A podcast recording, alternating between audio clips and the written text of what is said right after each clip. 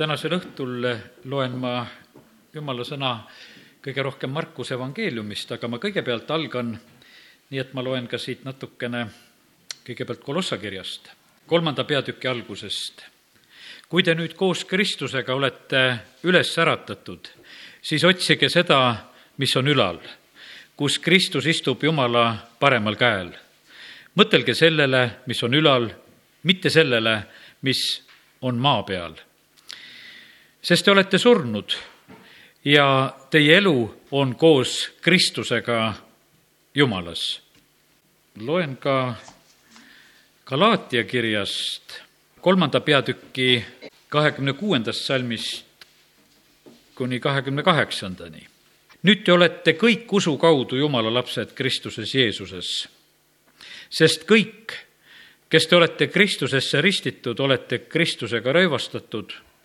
Ei ole siin juuti ega kreeklast, ei ole siin orja ega vaba, ei ole siin meest ega naist, sest te kõik olete üks Kristuses Jeesuses.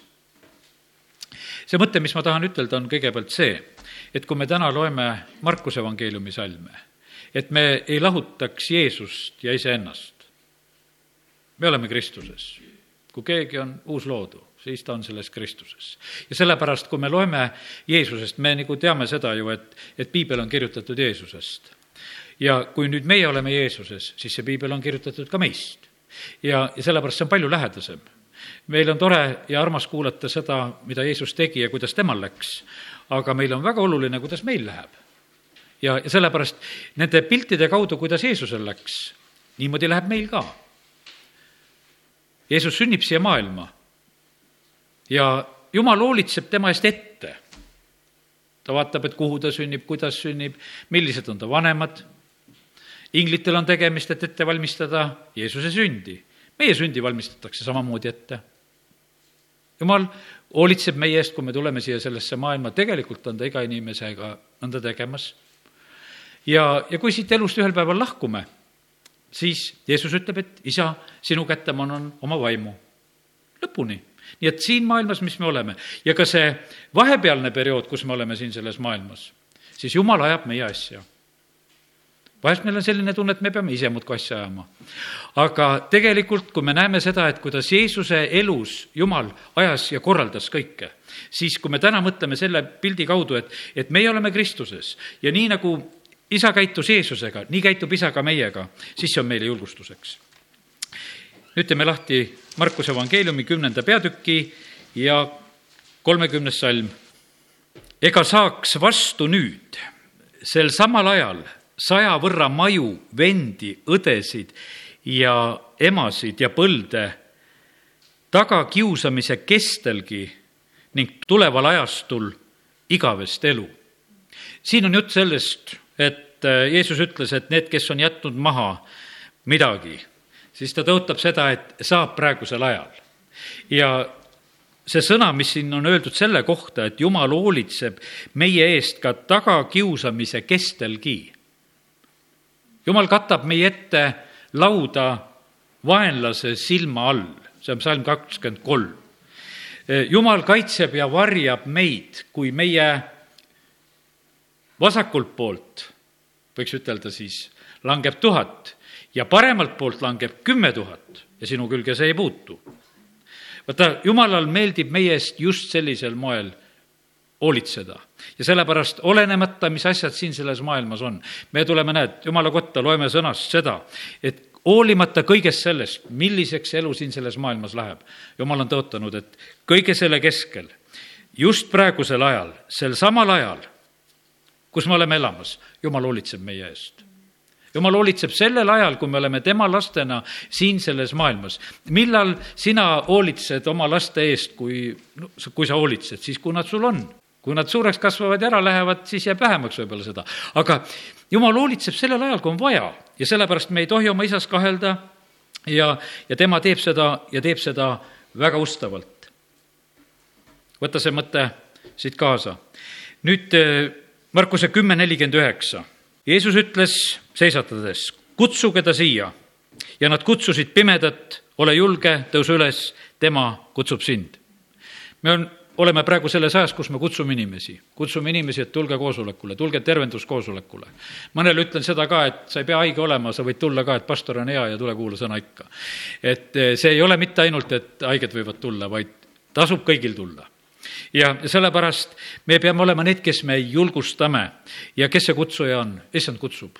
ja siin on see pime, kes tegelikult kisendas ja karjus ja, ja tahtis, et Jeesus teda aitaks, siis ta saab selle sõnumi, et, et ole julge, tõuse üles, tema kutsub sind ja sellepärast on väga tähtis, et, et meie kaudu läheks see julgustus, et kes on see kutsuja, tegelikult issand on see, kes kutsub inimesi. ja, ja ta teeb seda täie armastusega ja, ja sellepärast olgu see ka nii, et, et meie kaudu see kutse läheks just sellisel moel edasi, et inimesed saavad aru, et, et kutsujaks on Jumal. aga nüüd läheme Jeesuse elu juurde. Jeesus sõidab kuninglikult Jeruusalemma, Markus üheteistkümnes peatükis räägitakse meile sellest. ja me näeme seda, et, et see sissesõit on organiseeritud ja korraldatud. eesel on kuskil olemas, jüngritele lihtsalt öeldakse, et te lähete ja te leiate, minge külla, teine salm ütleb, mis on teie ees ja kohe, kui te jõuate sinna, leiate te kinniseotud sälu, kelle seljas ei ole istunud veel ükski inimene, päästke see lahti ja tooge siia ja kui keegi seal tülitab ja küsib, et miks te seda teete, siis rääkige, et issandal on tarmis. ja mida me näeme selle pildi kaudu? jumalal oli Jeesuse jaoks asjad ette valmistatud, tehtud. hiljem me jõuame selle kohta, kui Jeesus tahab oma jüngritega olla pasasööma ja lauas, siis on tuba olemas, asjad on olemas. meie jaoks on ka asjad olemas. aga me ei tea, kus kohas nad on vahest. ja, ja me mõtleme, et need ei ole olemas, aga on olemas sest kui meie oleme Kristuses, nii nagu isa hoolitses Jeesuse eest siin selles maailmas, Jeesuse elu jaoks oli plaan, mida ta elab siin selles maailmas, millise plaani järgi, mis peab täide minema, kus ta peab käima, kus ta peab liikuma see plaan oli väga vana plaan, kui me hiljuti rääkisime, et, et prohvet Jesaja kuulutab ette seda, seda Galilead, seda paganate Galilead, seitsesada aastat räägib ette. ja siis, kui Jeesus sünnib, siis ta teeb kõige enam imetegusid ja tunnustähti Galileas sellepärast, et see oli ette räägitud, see oli jumalale ette plaanitud, see ei olnud mitte mingisugune juhu, juhus, et Jeesus mõtles, et ah, et uh, tuul puhub siitpoolt, et lähen sinna. ei, see oli ette plaanitud, see, mis Jumal oli rääkinud, ta käis Jumala plaanides. ja, ja sellepärast tea seda, jumalal on plaan igaühe meie jaoks. potisepal, kes valmistab poti, ta mõtleb selle peale, mille jaoks ta selle teeb.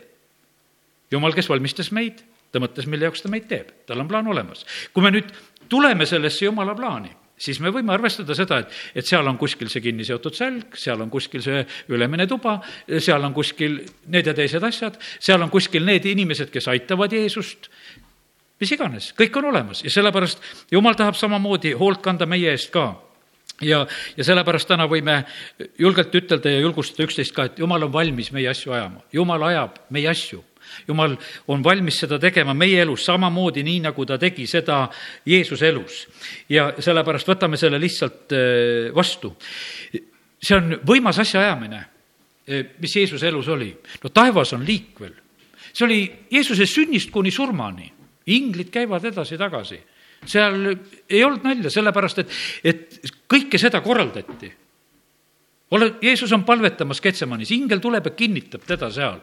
me näeme seda, et, et kõikjal on tegelikult, taevas on kaasas ja see on meie elus samamoodi kui meie selle eh, positsiooni võtame, et me oleme jumala lastena ja, ja paneme tähele seda ja et, et see meie jaoks on samamoodi kehtimas no Jeesus palvetas ka, sellega me mööda ei pane. kui ma tänasel õhtul räägin, et, et jumal ajab meie asja, see ei tähenda seda, et meie ei peaks palvele tulema. tuleme palvele küll. vaata, meie osa on selles palves olles just see, et me saaksime nagu kätte, mis on toimumas, mida peab tegema, kellega peab asja ajama kes on su abilised, Jeesus palvetab kogu öö ja võtab siis need kaksteist jüngrit, keda ta valib. ta ei vali mitte oma mõistuse järgi välja, vaid et ta peab isaga nõu. ta palub, isa, nüüd on selline lugu, et eh, kus need jüngrid on, ma pean need kuidagi ära tundma ja, sellepärast, kui ta oli palvetanud öö otsa, siis ta tuleb ja teeb selle valiku. ja sellepärast on nii ka, et, et ka meie, kes me oleme siin selles maailmas, me vajame seda, et meil oleks palves asjad ette valmistatud ja, ja siis me saame, palvekambris me saame neid teadmisi, palvekambris me saame neid selgusi. me, ja siis me oleme juhitud, siis me tunneme ära, eh, sellepärast, et Jeesus õpetab nüüd oma jüngreid, ütleb, et vaata, lugu on nüüd niimoodi, te lähete, te leiate sealt eh, selle eesli, keda te peate tooma. ja sellepärast kiitus Jumalale, et, et Jumal ajab niimoodi asju. Jumal ajab Võru linna asju, Jumal ajab Viljandi asju, Ujansla asju. Eh, ta korraldab koosolekuid, ta läkitab Jumala sulaseid. Eh, Peetrus, kui ta läheb Korneliuse kotta, samamoodi me näeme, kuidas inglid on liikvel küll on vaja Peetruse juurde minna ja küll on vaja Korneliuse juures käia. ja sellepärast, kui jumal midagi ajab, taevas ajab väga korrektselt ja need plaanid sünnivad ja täituvad. ja, ja sellepärast täna ka meie võime lihtsalt eh, julgelt eh, veeretada igasugused mured ära Jumala kätte, küsida Jumal, et me tahame näha neid, neid asju, mida sina oled tegemas. naistel oli peale Jeesuse siis ütleme matmist see mure, et nad tahtsid hauale minna võidma ja ja siis on see suur mure, et kivi on nii suur ja kes selle ära veeretab. kivi oli ära veeretatud. ja sellepärast meie peame ka sellega arvestama, et vaata, Jumal on meie asja ajamas. ta, ta tegutseb, sellepärast meie peame Jumalale tegemaks, teatavaks need oma mured ja asjad, mis meil on, ühes tänu ja kiitusega ja küll Jumal neid asju ajab, ta lahendab, korraldab ja sellepärast kiitus Jumalale selle eest, et meie võime täna siin olla koos ja, ja näha ennast koos Kristusega samasuguses positsioonis. hiljuti ma ütlesin ühele inimesele, kellega noh, üle mõne aja kokku sain ja, ja tuli jutuks, et kuidas läheb, mina ütlesin, minul läheb hästi. ta ei tahtnud seda uskuda. ta ütles, et ei või olla, et igalühel on oma probleemid ma hakkasin ka siis mõtlema, et mis probleemid siis olema peaksid. et aga, sest et kui sa ütled, et sul on hästi, siis on nagu midagi viga. kuidas saab olla? aga kui mul on hea isa taevas ja tal ei ole mingisuguseid probleeme, et ta ei suudaks aidata, lahendada ja sellepärast täna ka võtame lihtsalt sellest kinni, et jumal on see, kes ajab meie asju, ajab meie peredes, ajab meie isiklikke asju, ajab meie linna asja, ajab meie maa asja, kiitus Jumalale selle eest, et Jumal on selline võimas Jumal. mida selle jutuga nüüd peale hakata, Markuse üksteist ütleb seda, et, et sellesse Jumalasse tuleb uskuda. üksteist kakskümmend kuni kakskümmend kuus räägib kahest tähtsast asjast, millele tähelepanu juhin. üks on see, et, et meil oleks usku Jumalasse, et meil oleks seda Jumala liiki usku ja, ja teine asi on tähtis see ka, et, et me anname andeks nendele, kes meist aru ei saa kes ei saa aru, et, et, et sul võib hästi minna ja annad nendele andeks ja, ja ja igasugu elust juhtub siin selles maailmas olemas. Jeesusel oli palju veel hullem, sest et teda ikka kohe päriselt jälitati, otsiti võimalust, kuidas teda ära tappa. aga Jeesus andestas kõigile neile, ta on ristil, ta palub, isa, anna neile andeks, sest nad ei tea, mida nad teevad. ja sellepärast meie elus on ka nii, et ei ole ühtegi varianti inimest, kas ta saab meist aru või ei saa aru, meie asi on andeks anda kõigile. ei ole mitte mingisugust tegelikult probleemi, millest me ei saaks andestada, andeks anda ja sellepärast täna lihtsalt julgustame ennast koos Kristusega siin, et, et nii on, et meil võib olla ka neid, kes siiski ei mõista, kes siiski aru ei saa, kes kiusavad taga, kes laimavad, kes otsivad võimalust tappa ja halba teha. aga jumal on tõotanud, et meie peast ei lähe mitte ükski juuksekarvgi tema teadmata kaotsi ja sellepärast jumal on otsustanud, et ta tegeleb meiega ja, ja väga otsustavalt. kiitus Jumalale selle eest. Jeesuse elus oli meelevald, mida märgati. meie elus peab olema ka see meelevald, mida märgatakse.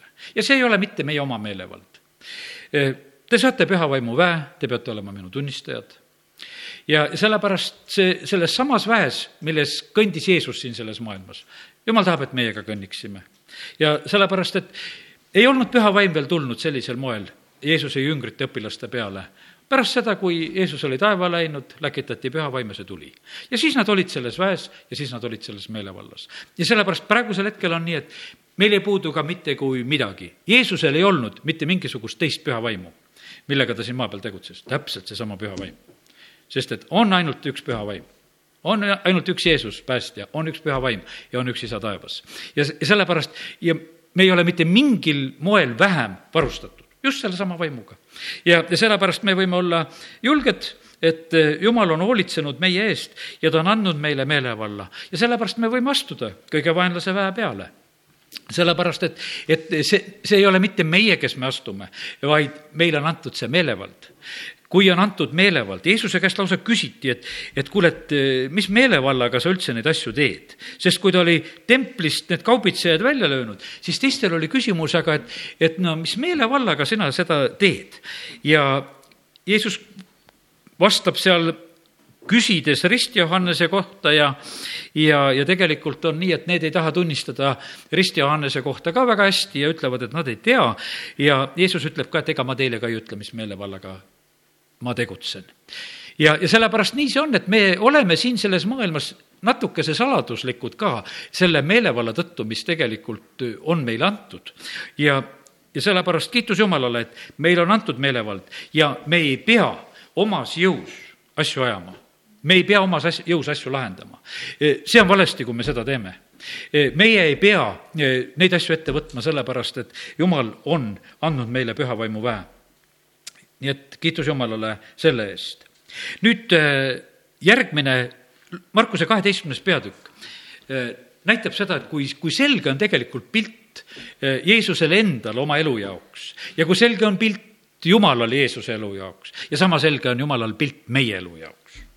Jeesus hakkab rääkima eh, tähendamise sõna, ta räägib eh, mõistu seda lugu, et üks inimene istutas Viinamäe, piiras selle aiaga, õnnestas kaljusse surutõrre, ehitas valvetorni, andis rentnike kätte, reisis mõõr, võõrale maale, siis ta läkitab seal sulaseid eh, sealt võtma siis vilja, neid sulasid tõrjutakse, keda tapetakse, keda aetakse ära ja kuidas iganes teotatakse. Ja siis Jeesus jõuab enda juurde kus ta räägib sellest seitsmendas salmis. Eh, need rentnikud aga rääkisid omavahel, tema ongi see pärija, äkki tapame ta ära, et pärand ja pärand saab meile ja nad võtsid ta kinni, tapsid ta ära, viskasid Viinamäelt välja. Jeesus räägib tegelikult seda pilti enda kohta, mis temaga varsti sünnib. et nii läheb ta oli ingritele püüdnud õpetada ja rääkida sellest, et eh, samamoodi, et ma pean palju kannatama ja mind tapetakse ja kolmandal päeval tõusen üles, ta räägib nendest asjadest. tal on see pilt tegelikult väga selge ta räägib selle pildi väga julgelt ja selgelt eh, ka siin sellel hetkel nendele seal oma kuulajatele, see tegelikult väga vihastab neid, sellepärast et see lugu lõpeb hoopis nende eh, tagakiusajate ja tapjatele, tapjate jaoks väga halvasti. ja, ja sellepärast, aga Jeesus teeb seda selleks, et näidata, et tegelikult on selge plaan ja pilt olemas. meie elu jaoks on samamoodi Jumalal plaan ja väga selge pilt olemas. Jumal on plaaninud, mõelnud ja ta tahab, et meie võiksime olla tema plaanides. sõna ütleb seda, et teeme kindlaks oma kutsumise ja valiku, siis me ei komista. ja sellepärast meil on väga tähtis see, et, et olla jumala plaanides. aga miks me peaksime teised olema? no miks mingisugune vares peaks varblane olema? või noh, ei ole, ei ole mõtet, noh, milleks loodi? see on kõige loomulikum, loomaaeda lähed, vaatad neid loomi, kes kelleks on loodud, eks. ei ole, ei ole mingisugust sellist, et kuule, et üks mõtleb, et kuule, ma tahaks hoopis see teine olla. ei ole see tähtis. ja, ja sellepärast, kui jumal on loonud nagu kõik ja niikuinii ta on loonud niimoodi sind ainult ühe sa oled unikaalne niikuinii, teist ei ole niikuinii. ja sellepärast ei saagi olla mingisugust teist plaani. on üks inimene, üks haruldus, kellel on oma elu ja see jumala plaan, milleks ta on loonud. ja sellepärast eh, kiitus Jumalale, et Jumal niimoodi on meie elu peale mõelnud. ja, ja sellepärast Jeesusel oli oma tee. meil kellelgi ei ole see tee. ja, ja tema roll oli hoopis palju suurem ta oli siin eeskujuks meile, aga see, mida ta tegi, et ta Kolgata ristil pidi meie kõikide patud ja meie karistused ära kandma, see on see ainulaadne roll oli, mis tal. ja aga kiitus Jumalale, et ta selle tegi lõpuni ja meil on see kõik nüüd võimalus olemas, ligipääs isale, kiitus Jumalale kõige selle hea eest. aga meil on oma roll, et meie esindaksime siin selles maailmas julgelt Jeesust ja et see sõnum väga selgelt leviks ja, ja see peab levima ja see levib ikka ainult inimeste kaudu. aga olgu, siin jätan selle pildi ka pooleli.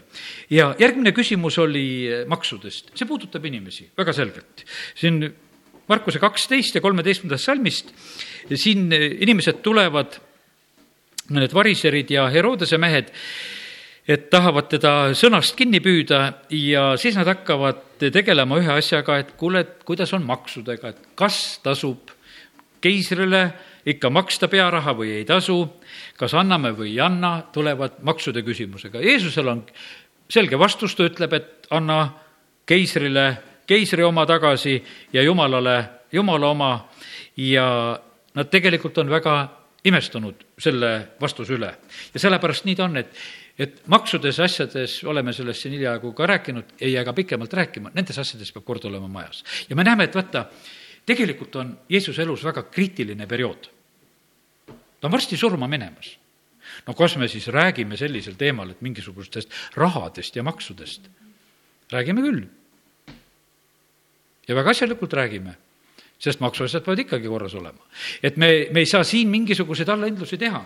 ja, ja sellepärast me näeme, et evangeeliumites, kus tegelikult eh, pühendatakse Jeesuse elule eh, palju tähelepanu ja kõige rohkem võib-olla tähelepanu tema surmale ja kannatusele ja sellele, siis me näeme, et, et nendel perioodidel tegelikult ka just räägitakse nendest väga olulistest asjadest ja sellepärast meie ei saa neid asju eirata ja, ja kuidas jumala sõna õpetab, et võlgu meil ei pea olema ärgu olgu teil mitte mingisugust muud võlga, üks võlg on, meil peab olema.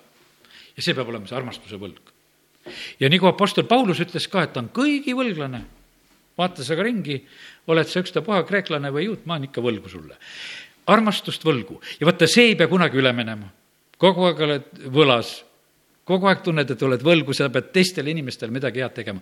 Jeesus ütleb, ma annan teile selle uue käsusõna, et te peate üksteist armastama vaata, siin ei ole mingisugust järeleandmist, et palud Jumala käest jälle uut jõudu, et kuule, veel on vaja armastada, veel on vaja armastada, kuni lõpuni on vaja armastada. nii nagu Jeesus ristil lõpetab, ta ikka armastas, armastas vaenlasi ka, ta armastas kõiki. ja, ja sellepärast on see ka, et, et nii ta on meie elus samamoodi, et, et seda eh,, muud asjad tuleb ära maksta, aga, aga selle ühe asjaga me hakkama ei saa, see jääb lõpuni.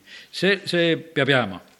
võlg armastuse võlg ja ka see ei ole mitte see, et me lihtsalt ütleme, et me oleme selles võlgu või või noh, veel hullem veel, kus me ütlesime, et me saime sellega korda, et me maksime selle võla ka ära, et meil on sellega ühel pool.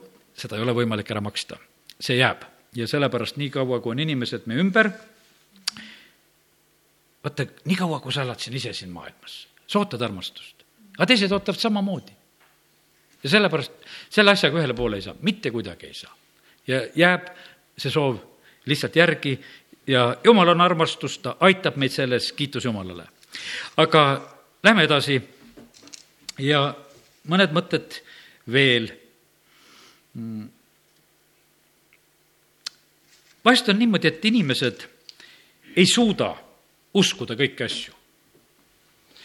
ja siin samamoodi, saduserid tulevad oma küsimusega Markuse kaksteist, kaheksateist ja edasi hakkab see lugu. Ja küsimus on selles, et nad ei usu. Nad ei usu seda, et on surnute ülestõusmist, nad ei uskunud ingleid, nad ei uskunud eh, mitmeid asju. Ja nüüd nad on tegelikult oma uskmatusega Jeesuse ees ja nad püüavad Jeesust naeruvääristada, nad püüavad oma küsimusega, mis nad esitavad, eh, näidata seda, et tegelikult eh, tasuks võib-olla nende moodi mõelda, et ei ole võimalik üldse paljusid asju uskuda. me näeme seda, et Jeesus teeb nendele asja väga selgelt selgeks, ütleb, et ülestõusmises on asjad teistmoodi ja, ja siis ta räägib nendele surnute ülestõusmisest ja ma loen siit kahekümne viiendast salmist. kui surnud üles tõusevad, siis nad ei, ju ei võta naisi ega lähe mehele, vaid on nagu inglid taevas. surnute kohta aga et nad üles äratatakse, kas te ei ole lugenud Moosese raamatust Kibuvitsa põõsa loost, kuidas Jumal ütles Moosesele, mina olen Abrahami Jumal, Iisaki Jumal ja Jaakobi Jumal. ta ei ole surnute, vaid elavate Jumal, teeksite rängalt. Jeesus räägib seda, et need mehed, Abraham, Iisak, keda ta siin viitab, ta ütleb, need ei ole surnud sest jumal ütleb, et mina olen nende jumal. et mitte, et mina olin nende jumal, vaid mina olen nende jumal, sest nad on eksisteerimas, nad on olemas, nad elavad, mina olen elavate jumal. ja sellepärast, tead, mis tehti sa siin täna? et sa oleksid vaimulikult elav. sest jumal on elavate jumal. kui sa oled vaimulikult surnud, siis ta ei ole sinu jumal. ja sellepärast on, me ei tohi oma usueluga mängida sedasi, et kas elan või suren. sellega ei tohi mängida. ilmutuse raamatus eh, kogudus issand ütleb, kuule, et muist on surnud. ma tean, et sul on nimi, aga sa oled surnud. siis ei ole see jumal meie jumal, sest ta on elavate jumal ja sellepärast me peame olema elavad. me peame hoidma oma usuelu elus ma mõtlesin selle peale, et, et vaata, kui huvitav on, tuli nagu selline pilt, et kuidas inimesi elustatakse. kuidas nendele elu sisse pannakse? arst tuleb, tal on seal ühes sellises anumas, seal on elu ja siis ta tilgutab seda elu sealt sisse või ei, see ei ole nii. ta tuleb, teeb tavaliselt elektrilöögi. aga elu peab sus endas olema. ega see elektrilöök pole mingisugune elu. ta lihtsalt ehmatab, et ärka üles ja, ja nii paljud tulevad isegi surnust tagasi selle elektrilöögi peale. elektrilöögi peale tuleb see hing ihusse tagasi, kes siin on rääkinud nendest, kes on seal ihust väljas. ja tegelikult no see on ju omas mõttes absurd.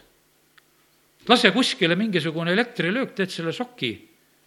aga see raputus tegelikult tähendab seda, et, et kuule, see elu peab olema sinus endas. aga ma tahan lihtsalt selle üles äratada et, et see elu, elu tuleks jälle uuesti esile et sa nagu sellest ei loobuks. ja sellepärast ega meie ka, kui siin oleme jumala kojas, meil on vaja neid šokkisid sellises mõttes, et, et kus meid jälle nagu üles äratatakse. Saad selle laksu ära, tead, et, et tunned, et kuule, elu peab sus olema, sest et jumal on elavate jumal. ei saa sedasi, et kuidagi suigudi oled. sa pead elus olema ja sellepärast jumal tahab, et, et me oleksime elavad. elavad, mis nad teevad? Nendel on teod eks, usk peab olema tegev armastuse kaudu ja ma ei jää nagu seda, seda asja rääkima. ja sellepärast, kallid, täna lihtsalt ütlen, et Jumal on elavate Jumal ja ta tahab, et me oleksime elavad. ja usume neid asju ka, mis meile võivad tunduda uskmatud. kas usud, et taevas on kullast tänavad?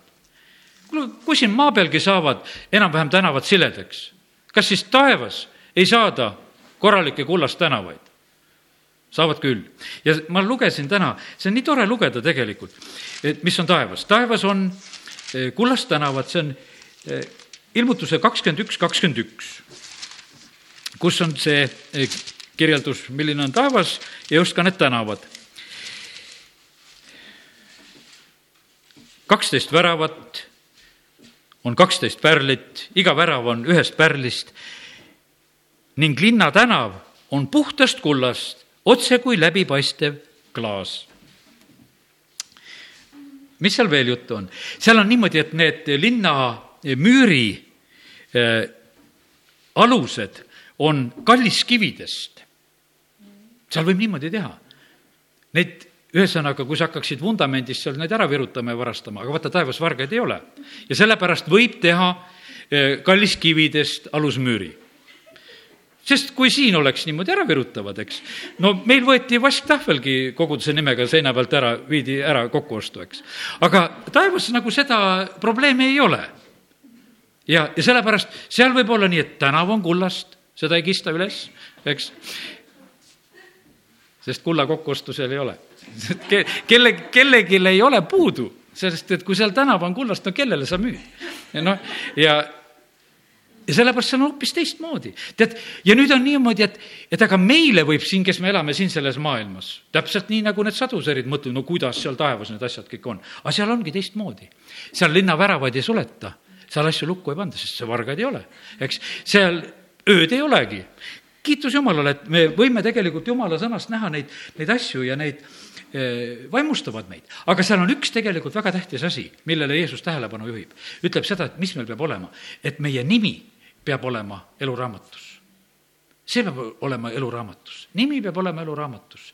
sinna ei pääse mitte keegi teine kui need, kelle nimed on eluraamatus ja sellepärast see on väga tähtis asi, et meie nimed saaksid eluraamatusse ja see on see päästmise lugu. me võtame Jeesuse oma päästjaks vastu ja me palume, et Jeesus, tule meie ellu ja, ja siis, siis see asi just sünnib ja saabki teoks. nii et kiitus Jumalale. nii et natukene rääkisime neid taevase asju ja jäta meelde seda ka, et, et Jumal on elavate Jumal ja ole elus. ühe küsimuse esitame veel. et mis on tegelikult oluline ja tähtis? ja nüüd kirjatundja, kes kaksteist, kakskümmend kaheksa ja sealt edasi kuni kolmkümmend neli Markuse evangeeliumis oleme ikka jätkuvalt, kus kirjatundja eh, hakkab uurima seda, et mis on siis see kõige olulisem ja tähtsam asi. ja, ja see on tegelikult väga tähtis küsimus. mis on peaasi?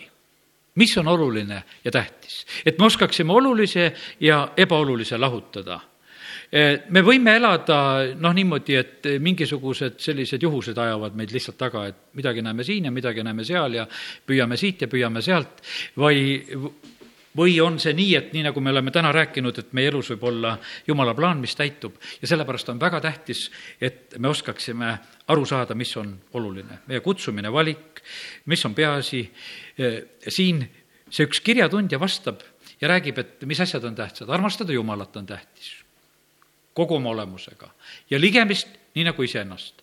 ja me, mis Jeesus selle peale ütleb? ta ütleb, et kuule, et, et sinuga on nii, et sa ei ole kaugel Jumala riigist. Aga Jumala riigis sa ei ole. sest et noh, need, kelle nimi on eluraamatus, need on Jumala riigis. sa võid õigeid asju teada, aga sa ei ole veel astunud sisse sa pead võtma Jeesuse päästjaks vastu, siis sa oled. ja sellepärast osad inimesed eh, rahulduvad sellega, et nad teavad palju asju ütleb, et mina juba, tead, juba lapsepõlvest saadik tean asju ja ärgu tulgu mulle keegi midagi rääkima, sest ma sain juba ammu kõik asjad teada. ei, see, see ei ole üldse mitte mingisugune määraja, mis sa tead. Ja sellepärast Jeesus ütleb sellele kirjatundjale ka, et jah, sa tead küllaltki palju asju, aga näed, nimi eluraamatus sul ei ole, sa ei ole küll kaugel, aga kui sa sees ei ole, ei ole sa ikkagi sees. ja sellepärast on niivõrd tähtis see ka, et, et me teaksime, mis on olulised asjad ja, ja väga tähtis ja oluline asi on, kui Jeesuse jüngrid tulevad tagasi ja on rõõmsad, et kurjad vaimud lähevad välja, siis Jeesus ütleb just sedasi, et kuule, tundke rõõmu sellest, et teie nimi on eluraamatus kirjas.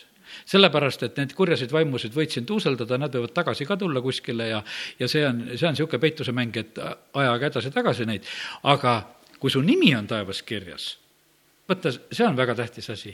ja, ja seal on niimoodi, et kuidas selle nime kustutamisega lugu on tuleb hoida valgeid riideid, see kolmas peatükk ja kuskil viies, viienda salmi ringis on ilmutuse raamatus, kus see teema on üleval.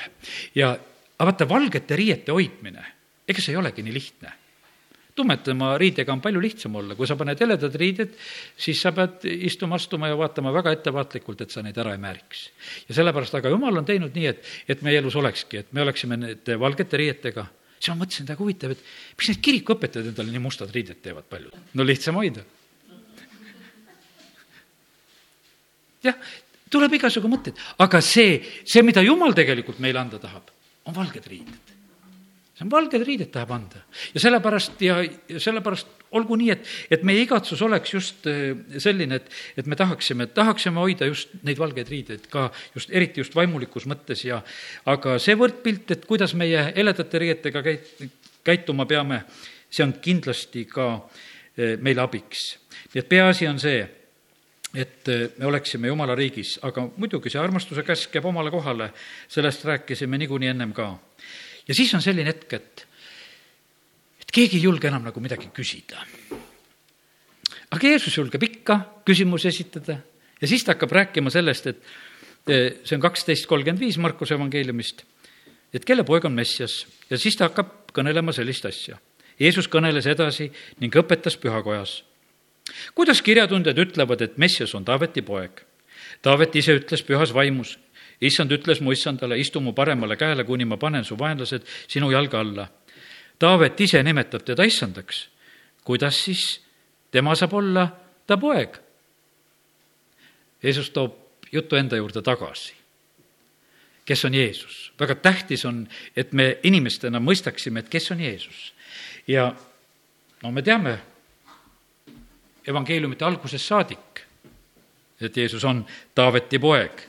Seal Mattiuse evangeeliumi alguses kohe hakatakse rääkima sellest ja, ja Joosepit nimetatakse Taaveti pojaks ja, ja, ja siis need pimedad kisendavad tee ääres, et Taaveti poeg, alasta meie peale ja, ja, ja tegelikult oodati, et see Messias on Taaveti poeg. Ja nüüd on tegelikult Jeesus inimeste keskel ja ta viskab nagu selle küsimuse õhku, et no kuidas sellega on. me teame seda, et Peetrus lahendab nelipühapäeval seda väga julgelt ütleb, et püha ei tohi kõduneda ja ta räägib sellest pikemalt, me ei jää täna sinna juurde nagu rääkima. aga küsimus on tegelikult nagu selles, et vaata, kus, kus nagu, kus nagu küsimused lõppesid, siis jumal annab nagu uusi küsimusi. see läheb kokku hästi meie praeguse sellise piiblikooli ettevõtmisega, et, et meil nagu need küsimused ei lõpeks. ja, ja tegelikult on niimoodi, et, et kes noh, ütleme, õppimisega tegelevad, leiavad ikka seda, et tegelikult kui rohkem õpid, et siis tuleb rohkem küsimusi. siis oskad juba varsti küsida et sest, et ennem ei oska seda ka. ja, aga kui sa õpid, siis tegelikult tekib küsimusi. ja siin on Jeesus samamoodi, kui ta on õpetamas inimesi ja ta näeb, et, et küsimused lõppesid ära. ei, ma panen ise teile praegu küsimuse püsti ja proovige vastata, et kelle poeg siis see Messias on ja sellepärast ärme kardame seda ka, et äh, küsimusi meil tekib ja tegelikult Jumal aitab lahendada ja ta toob nendele asjadele vastused. ja Lähen järgmise asja juurde. ja siis on Jeesus, kui me juba rääkisime maksudest, siis on Jeesus ohvrikistu juures, ma võtan siit Markuse kaksteist nelikümmend üks, Jeesus istus aardekistu vastas ja vaatab, kuidas rahva hulk paneb raha aardekirstu. lihtsalt jälgib seda, kuidas annetatakse. ja paljud rikkad panid palju, üks vaene lesklane tuli ja pani kaks leptonit, see on ühe veeringu ja kutsudes oma jüngrid enese juurde, ütles Jeesus neile, tõesti, ma ütlen teile, see vaene lesknaine pani rohkem kui kõik, kes panevad aardekirstu, sest nemad panid oma küllusest, temaga pani oma kehvusest kõik, mis tal oli, kogu oma elatise.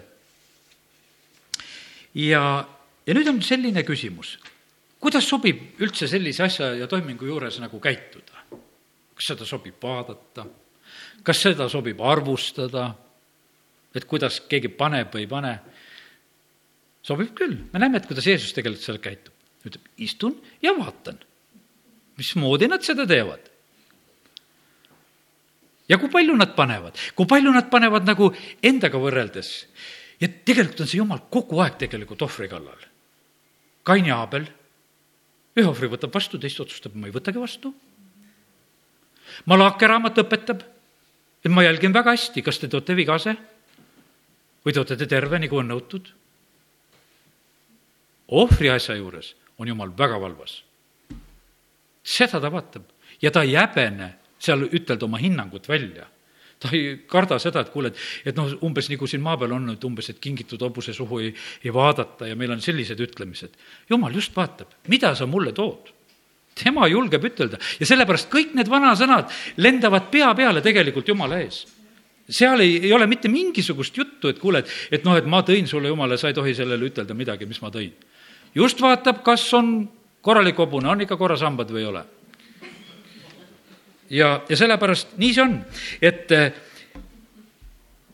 Maarja võtab selle kalli nardisalvi ja tegelikult Jeesus ütleb, et, et kus iganes evangeeliumi kuulutatakse, sellest tuleb rääkida.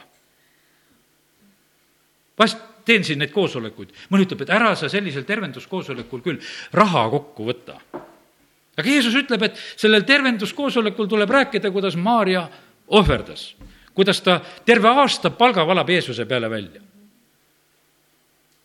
noh, kuule, aastapalk panna lihtsalt Jeesuse peale, lihtsalt selliseks heaks lõhnaks, ühel hetkel korraks. milleks selline raiskamine? vaata, Jumal tegelikult annab oma kõige kallima. evangeelium on tegelikult väga kallis asi Jeesus on oma verega meid kõiki ostnud, Jumal on andnud oma poja. ta ei ole mitte milleski tegelikult tagasi hoidnud. ja, ja sellepärast on niimoodi, et kuna Jumal ei ole mitte milleski tagasi hoidnud, siis ta noh, näeb seda samamoodi, et, et meie ka Jeesuse koha pealt, et meie ei saa mitte sugugi kuidagi üle pingutada ja, sellepärast eh, me võime olla üsna julged nendes asjades. vaata, mille koha pealt, kui need tulevad välja sealt templist, siis jüngrid ütlevad ja vaatavad, oo, millised hooned ja värgid. jah, see Salomoni tempel ja kõik ja siis, mis selle Jeesuse ajal see tempel, need olid ilusad. aga me näeme, et Jeesus nende asjade juurde nagu ei takerdu. ta laseb nagu nendel olla, ta ütleb, et kuule, varsti neid ei ole siin. et siin varsti ei jäeta kivi kivi peale, et see, see ei ole nii, nii oluline ja tähtis. See, mis sinna templisse toodi, kui see lesknainegi paneb, vaata, see oli tähtis. Aga mitte see hoone. Ja sellepärast, kallid, eks me oleme nõnda ka, et, et jumala jaoks on need inimesed niivõrd olulised ja tähtsad, kes on siin selles maailmas. ja, ja kui siit Markuse evangeeliumi neid lugusid me vaatame, seal on, lähemegi korraks veel sinna, neliteist peatükk, Jeesust salvitakse, ma sellele juba viitasin, kui seal Maarja teeb selle teo ja sealsamas on kontrastiks, juudas reedab. üks paneb terve aasta palga Jeesuse peale ma ei oska seal, ütleme, neid, võrrelda neid rahaühikuid, palju see, need hõbetükid, mille eest seal juudas reedab, et palju see võrdluses oleks omavahel, sest need vääringud on nagu teised siin antud. aga, aga me näeme seda, et see kontrast on tegelikult sellises mõttes olemas, et, et üks teeb armastuses nagu kõik ja, ja teine, teine reedab. jah, nii see on. Tegelikult, et meie oleme siin nagu nende valikute keskel. Ja sellepärast on vaata, jumal laseb evangeeliumist tulla meie silmade ette nagu selle kõik. mida sa teed oma rahaga, kuidas sa käitud, kas sa reedad või ei reeda, eks, kas sa armastad või ei armasta kas sa arvestad sellega, et, et jumalal on see ettehool sinu koha pealt, et ajab su asju? me jõuame sellesama juurde, ma täna nagu mitu korda nimetan seda, et jumal ajab meie asja. seal järgmine asi ongi, et viimane paasatalle söömine, see ülemine tuba, see kõik on korras, valmis, see on olemas. sellepärast ma täna ütlen ka, et, et jumalal on sinu elu jaoks asjad olemas ja korras tegelikult. on vaja ainult tulla nende juurde ja me vahest paneme kinni silmi ringi ja me ei usalda seda, et, et jumalal need asjad on olemas, tegelikult on tal olemas. ja, ja sellepärast kiitus Jumalale, et meil on äh, selline hea Jumal. Jumalal on plaanid. naine on issandalt, õpetuse sõnad üheksateist, neliteist ütleb seda.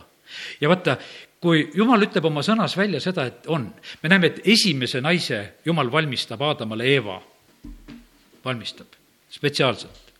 siin on üks mees, tal oleks naist vaja, teeme ära, teeme talle naise ja siis on niimoodi, et õpetuse sõnades öeldakse, et, et see on issandalt. ja ka sageli inimesed lihtsalt ei oska üles leida, tegelikult see on issandalt. jumal on ütelnud, see on, see on, see on lihtsalt, sest et mina olen selle tegelikult asja korraldanud, mina olen selle taga. ja ega seda naist ei saa, ütleme siis sellises mõttes ühe päevaga ära teha tavaliselt on niimoodi ikkagi, kui naise võtmiseks lahti läheb, et eks ta on juba paarkümmend aastat peaaegu olemas juba ette valmistati, tehti, eks. see on jumala selline ettehool. sellel ajal, kui sina selle peale üldse ei mõtle, tema mõtleb, et mul on vaja valmistada. sellepärast, et plaanid peavad kokku minema. ja sellepärast kiitus Jumalale, et, et Jumal on nii võimas Jumal, kuidas ta tegelikult meie elude eest hoolitseb. ja ja nii nagu ütlesin, et kui me lugesime täna siit Markuse evangeeliumi, siis me lugesime Jeesusest, aga koos endaga niimoodi tegelikult Jumal hoolitseb me kõikide eest, aamen